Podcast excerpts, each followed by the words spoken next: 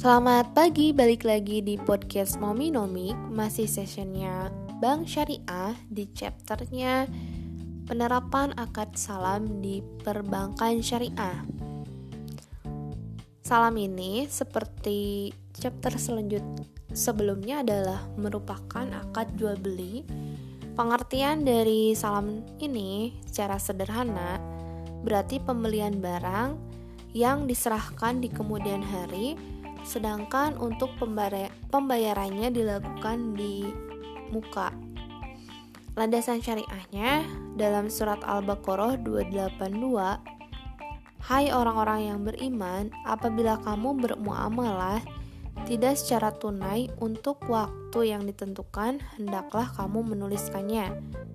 Dalam kaitan ayat tersebut, Ibnu Abbas menjelaskan Keterkaitan ayat tersebut dengan transaksi salam tanpa jelas dari ungkapan beliau, yakni saya bersaksi bahwa salam yang dijamin untuk jangka waktu tertentu telah dihalalkan oleh Allah pada kitabnya dan diizinkannya. Untuk rukun salam sendiri ada lima, di antaranya ada pembeli yang disebut muslim, ada penjual yang disebut muslim ilaih, ada modal atau barang, dan yang keempat adanya barang atau muslim fee, yang kelima adanya ucapan. Modal untuk transaksi salam ini yang harus dipenuhi adalah sebagai berikut bahwa modal harus diketahui, barang yang akan disuplai harus diketahui jelas, spesifikasi, jenis, kualitas, dan jumlahnya. Kemudian untuk pembayaran salam dilakukan di tempat kontrak. Hal tersebut dimaksudkan agar pembayaran yang diberikan oleh pembeli tidak dijanjikan sebagai utang penjual. Lebih khusus, pembayaran salam tidak bisa dalam bentuk pembebasan utang yang harus dibayar dari muslim ilahi atau penjual Hal ini adalah untuk mencegah praktik riba dalam mekanisme salam. Mus muslamfi atau barangnya sendiri, syarat-syarat yang dipenuhi adalah harus spesifik dan dapat diakui sebagai utang. Kemudian, penyerahan barangnya harus dilakukan di kemudian hari dan untuk mengidentifikasi secara jelas untuk mengurangi kesalahan akibat kurangnya pengetahuan tentang macam barang tersebut, tentang klasifikasi kualitas, dan e, mengenai jumlahnya harus sangatlah jelas. Boleh menentukan tanggal waktu di mana akan datang penyerahan barangnya kapan.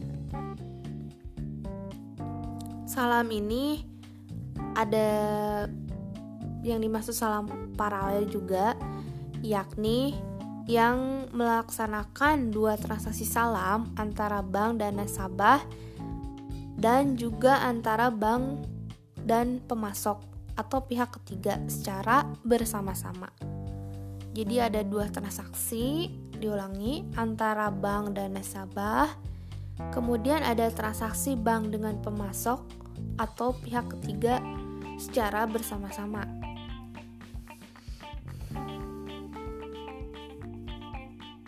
Nah, ada perbedaan salam dengan ijon.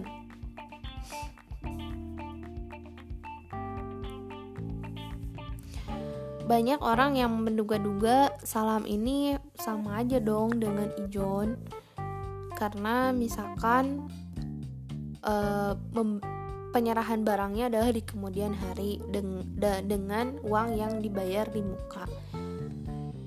Tapi perbedaannya adalah ijon itu belum jelas.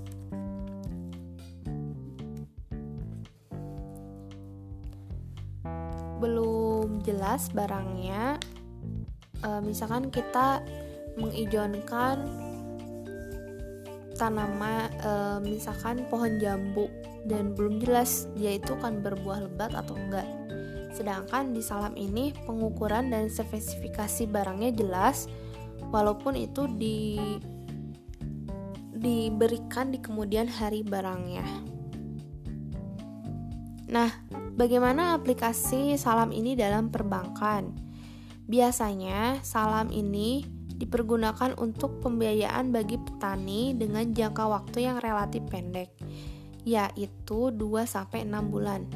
Karena yang dibeli oleh bank adalah barang seperti padi, jagung, cabai, dan bank tidak berniat untuk menjadikan barang tersebut sebagai simpanan atau inventory. Dilakukanlah akad salam kepada pembeli kedua, misalnya kepada bulog, pedagang pasar induk ataupun grosir. Inilah yang dalam perbankan Islam dikenal dengan salam paralel. Bayi salam juga dapat diaplikasikan pada pembiayaan barang industri, misalnya produk eh, garmen yang ukuran barang tersebut sudah dikenal umum. Caranya, saat nasabah mengajukan pembiayaan untuk pembuatan garmen, bank merefe mereferensikan penggunaan produk tersebut. Hal itu berarti bahwa bank memesan dari pembuat garmen dan membayarnya pada waktu pengikatan kontrak. Bank kemudian mencari pembeli kedua Pembeli tersebut bisa di, saja e, rekanan bank yang telah direkomendasikan oleh produsen si garmen tersebut. Bila garmen itu telah selesai diproduksi, produk tersebut diantarkan kepada rekanan tersebut. Rekanan kemudian membayar kepada bank baik secara mengangsur ataupun tunai.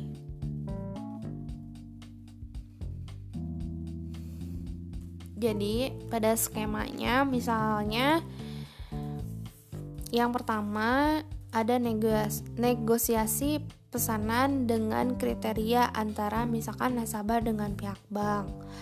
Yang kemudian, bank memesan barang nasabah dan membayar tunai kepada produsen penjual. Kemudian, uh, si produsen atau penjual ini mengirimkan dokumen atau barang tersebut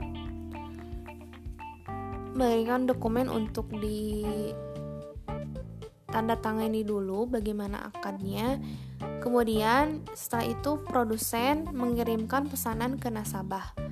Nah, nasabah barulah bayar ke bank baik itu bisa secara tunai ataupun mengangsur.